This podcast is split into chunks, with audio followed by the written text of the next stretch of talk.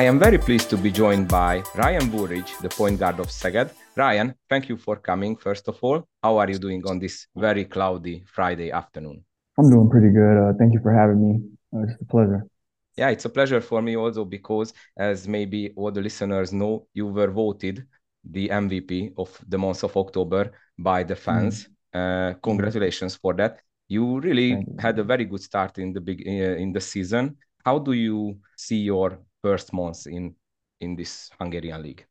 Um, I think I had a pretty good month. Um, the team did really well. Um, I think we it was tough coming in because I didn't know anything about the situation. Um, the team didn't know me. I was just kind of thrown into the fire. Um, but we made made way and uh, kind of just figured it out, and uh, that's kind of what we've just been doing these past couple weeks. And so, so I think I did pretty good. Yes, you had the first 50 VAL performance of the season. Congrats for that. We are talking after the day of the game against Pécs. And now mm. that you lost this game, you are in a two game losing streak. Um, how was this game? What do you think you missed to get the W at home? Yeah, I think um, we just had a couple key um, turnovers and a couple key possessions that we didn't execute um, really well. And that kind of threw off the momentum of us and they gave them confidence and they kind of just took it and ran with it. Um, we didn't do really a good job of on defense of stopping them and and getting the rebounding going, um, and that kind of kind of put us in a bad spot um, where we were just trailing and trying to fight back and uh, trying to get the refs on our side and all that stuff. Um, so I think we just got to come together, go, go to practice and figure it all out, start from scratch, and become get a new game plan and go from there we will get back to this game because I have some more questions about uh, that. But uh, it will be a listener Q&A podcast. So we will have mm-hmm. some listener submitted questions. But before that, let me start at the beginning because it is very interesting for me at least. The last mm-hmm. guest I had on this podcast in the last season was Liam O'Reilly, and he was also from Texas. You are also mm-hmm. from Texas, which is, I think, maybe the biggest American football state in all the US. How come that mm-hmm. you became a basketball player and not an NFL player, for example, or American football player? um, yeah, Texas is like really big in in my state and even in my city. Um, I actually played all sports, so I played baseball, football, basketball, soccer. I did all that growing up, um, and then it got to a point where I had to choose one um, when I got to high school, and I kind of just have the love of the game for basketball. And I kind of I'm kind of like an indoor type of guy. I don't really like the heat. I don't like the snow the cold and all that stuff. So that kind of um, made my decision, and I just stuck with basketball. And what was the other sport you were good at? Um, baseball was my best sport actually. Um, I just didn't like the outside. I couldn't do the weather and stuff like that. So uh, ba- basketball definitely got the AC and all that stuff. So I, I, chose that one. And what about your family? Was your father, for example, a great uh, Cowboys fan or, or something like that? Did he pressure you to choose American football? No, my dad. My dad is actually a diehard Cowboys fan. So you, if you go into the house, you see like posters and stuff like that. Um, Cowboys players, all that jerseys and all that stuff. Um, but he didn't pressure me at all. He just kind of like put me in every aspect. Um, put me in all different sports. Put me in track, all this stuff, uh, and kind of just let me make my own decision. Um, and I think that's that's kind of that's kind of why I chose basketball because I had the heart for it, not just uh, did it because he wanted me to do it, if that makes sense. Have you seen the game last night, Dallas, Washington? No, I haven't seen it. I haven't. Seen, I actually don't watch football um, that much. I actually don't really watch TV too much. Um, but I, I know if it was a loss, then my dad was probably yelling at the TV or something like that. So, um, yeah. they won. They won pretty easily. They won pretty easily. Okay, okay, yeah, I know he was. He was probably very excited then. I know it is a commonly asked question. I think it's commonly asked, but I am very uh, interested in your opinion. You told me that you played all the traditional American sports, and we mm-hmm. always say that your American guys are uh, more physical. You are more prepared. You have so much better physical uh, attributes than the European players. Do you think that it is because of that that you are trying all the sports when you are young? Um, I think it's um more of like just finding your passion. Uh, you just kind of get thrown into all the sports just so you can see like, oh, I don't I don't like being hit, so I'm not going to play football. Or like I do like being indoors, so I'm going to play like an indoor sport or something like that. So um, I think it, the physicality is actually kind of tough over here. Um, I think the difference is like we emphasize like the weight room and all that stuff at a young age in the States, um, as opposed to here. They don't really emphasize it as much, um, at least not here in Szeged. You told me that it was physical. I imagine that it was physical yesterday against Pécs because I, I, I did not see the game, but I read the comments and they told that uh, Pécs defended very, very tough. Yeah, um, they actually ended up calling like I want to say like four flagrant calls or something like that. It was kind of crazy, but um, yeah, it was very physical game, very up and down game, chippy game, um, and they hats off to them. They got the win, so it was tough. Did you think that this will be uh, so much physical, this Hungarian basketball league? Um, I mean, I played overseas before, so I kind of knew like how things would go. Um, I think it's just like if the refs are going to give you calls or if they're going to let you play. That's kind of that that just makes the difference in the game and kind of determines like how you'll play, how I play it. To, if that makes sense. Let's go back to Texas for a minute. You played mm-hmm. three seasons at the University mm-hmm. of North Texas, if I'm not mistaken. Mm-hmm. And after yes. that, you transfer to Gonzaga. Please uh, mm-hmm. tell the listeners who are not so into the NCAA that mm-hmm. Gonzaga is a very good school. They yeah. are usually close to the final four. And mm. I think in the 19th season, before you transferred, they went to the mm. final four, but they lost in the final, if I'm not mistaken. So I think yes. it is a pretty big word to say that you transferred to this school and you played nearly all the games, uh, if mm. I am mm-hmm. checking the stats correctly. So you were a, a, key player for them. How did this transfer go? Uh, so um, I so when I was in college, we didn't have like the the COVID year, the like transfer right away. So like um, I didn't really want to transfer to any schools because I knew I had to sit out and all that stuff. But I went to UNT for three years or so.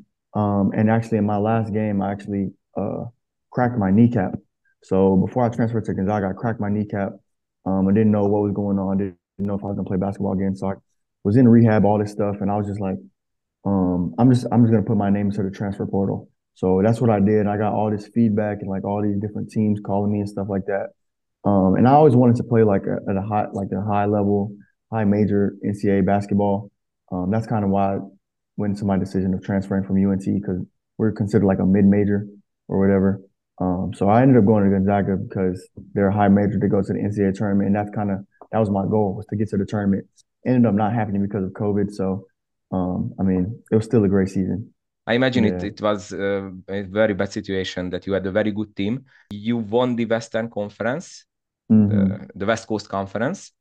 Yeah. So I think you have, you would have a great chance during the tournament, but yeah, COVID came and all is history now. Let's go to the listener questions because mm-hmm. we have some great ones, I think. Who is your role model or hero in basketball and why? Um, I would say my my role model. I'd probably say Allen Iverson. I love Allen Iverson. That's who I watched growing up the basketball football kind of thing. I even wore the braids like him was number three. That's my favorite number and all that stuff. Um, but uh, for my my hero, I'd definitely say my dad. Like my dad put in all the effort, put in all the work to get me to where I am today. Um, and that's kind of like, I mean, I praise to him because he he went he did it all. He was working and still had time to work out with me. So yeah, that's that's definitely my my role model. Did he have uh, any sporting career yeah, so he was he he grew up in the country, little town. He played basketball, baseball, football all the way up until high school, and so um, he ended up playing basketball in uh, college at Lamar University. Um, didn't play after that. Uh, ended up taking care of me, my siblings, and all that stuff. So um, didn't get the opportunity to play professionally, but kind of living through me. If that makes sense. yes, it absolutely makes. Which is your favorite NBA team, and who is your favorite player? Um, I'm not really a favorite NBA team type of guy. I like the players. I like to watch different players. I like Damian Lillard. I like Russell Westbrook. I like Steph Curry, um, Jamal Murray, um, and then obviously my guys that I play with, Corey Kispert and Killian Tillie, and all those guys that are in the league right now that went to Gonzaga with me. Uh, those those are kind of people I look at highlights and stuff like that. Yes, I imagine you you said uh, Allen Iverson. This mm-hmm. is why you like to play so much in the in the uh, near near to the basket? Yeah yeah. Um, i mean just being quick and all that stuff uh, i kind of modeled my game after him a little bit when i was younger. And um, i kind of just adjusted to like everything like the physicality and all that stuff. And um, that's kind of just how my my career went, my path went. As I told some minutes ago, you had the first 50 VAL performance uh, of the season. You had mm. other really great performances throughout these nine games, but mm. I I see that your outside game is is nowhere close to your inside game. Mm. And as I checked your college stats, I see that you had very good shooting performance from outside the three. Uh. Once it was over 40%. So why is it that you cannot do as well from outside the arc? Yeah, I think it's all mental, just adjusting. Um, I mean, the past couple years or so, I haven't really had the opportunity to play um, over 15, 20 minutes or so. So um, getting this opportunity of just playing like almost all the game is is kind of a lot, and it's kind of uh, mentally tolling, if that makes sense. So um, I think I just if I just focus, then it'll that's just something that I, I work on in practice and stuff like that. Even when I'm shooting by myself, I mean, I can make the shot, but um, I just got to do it in the game. It's all mental it's great that you say dismantle mental part because my next question is that the team has a very short rotation. Usually mm. it's seven or maximum eight guys. And as you told, you usually play the whole game, which means 40 mm. minutes. You had overtime game, you played 44 minutes. So it's so much minutes. And do mm. you think mm-hmm. this can cause any problems in the long term? Um, I mean, that's that's up to we'll see we'll see at the end of the season how that works. But um, I think as of right now we're good. We're in a good situation. Um, we won a couple games. We got a little um, high high on um, high on life and high on the winning roll, um, and that kind of just took our focus out. Um, as long as we stay focused, we'll be okay. We have a good game plan. We have good players. We know our roles. We know all that stuff. So I think if we could just keep going with that, going back to what we did at the beginning of the year, then we'll be fine. Uh, what was your first impression when you arrived at Szeged? Yeah, so my first impression was um, I actually arrived at like 1 a.m. or something like that. So it was kind of dark and I didn't know anything what was going on, but um, it's very peaceful. I like it. I like it a lot. It's very peaceful. I like the, the river, the bridge, and all that stuff. Um, I like the like the colors and stuff like that. So um, I usually walk to practice in like 10 minutes from the gym or so. Um, and I just kind of like take it all in. Uh, it, it brings me peace and it keeps me calm. I think you answered it already, but I have to ask that: Do you like Szeged, the city, so far? Yeah, I love I love the city. I love the fans. The fan base is crazy. Um, they show a lot of love, and I just love it here. Do they already have the Christmas shopping part uh, prepared? Um, I saw a little bit. They were setting it up. Um, mm. I haven't really went back down there to see if it's fully up yet. Um, but I heard it's it's something amazing. Yes, yes. I was once there so many years ago, and it is beautiful. So don't mm. miss that. Don't miss that when we when you will have uh, some free time to go and have a walk. How do you feel about the team? Yeah, I mean, I love the team. I love our players. Um, we're a, a, gritty group, um, and that's kind of how you have to play. Um, I didn't know anything about the situation coming in, but what I heard was like we were trying to stay in the first league and stuff like that. So um, I think we could do way better than that. I don't. I don't. I think we're shooting too low.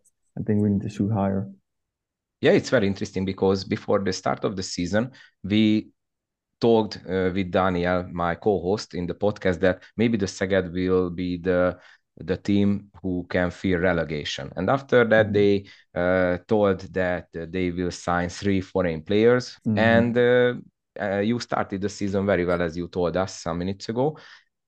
How come that such a good player mm-hmm. is available in the mm-hmm. very end of the uh, summer season? Because I would imagine that you have a very good pedigree. You went to great colleges. You are you have very mm-hmm. good stats. How come that this good of a player ends up in Hungary at the end of the summer?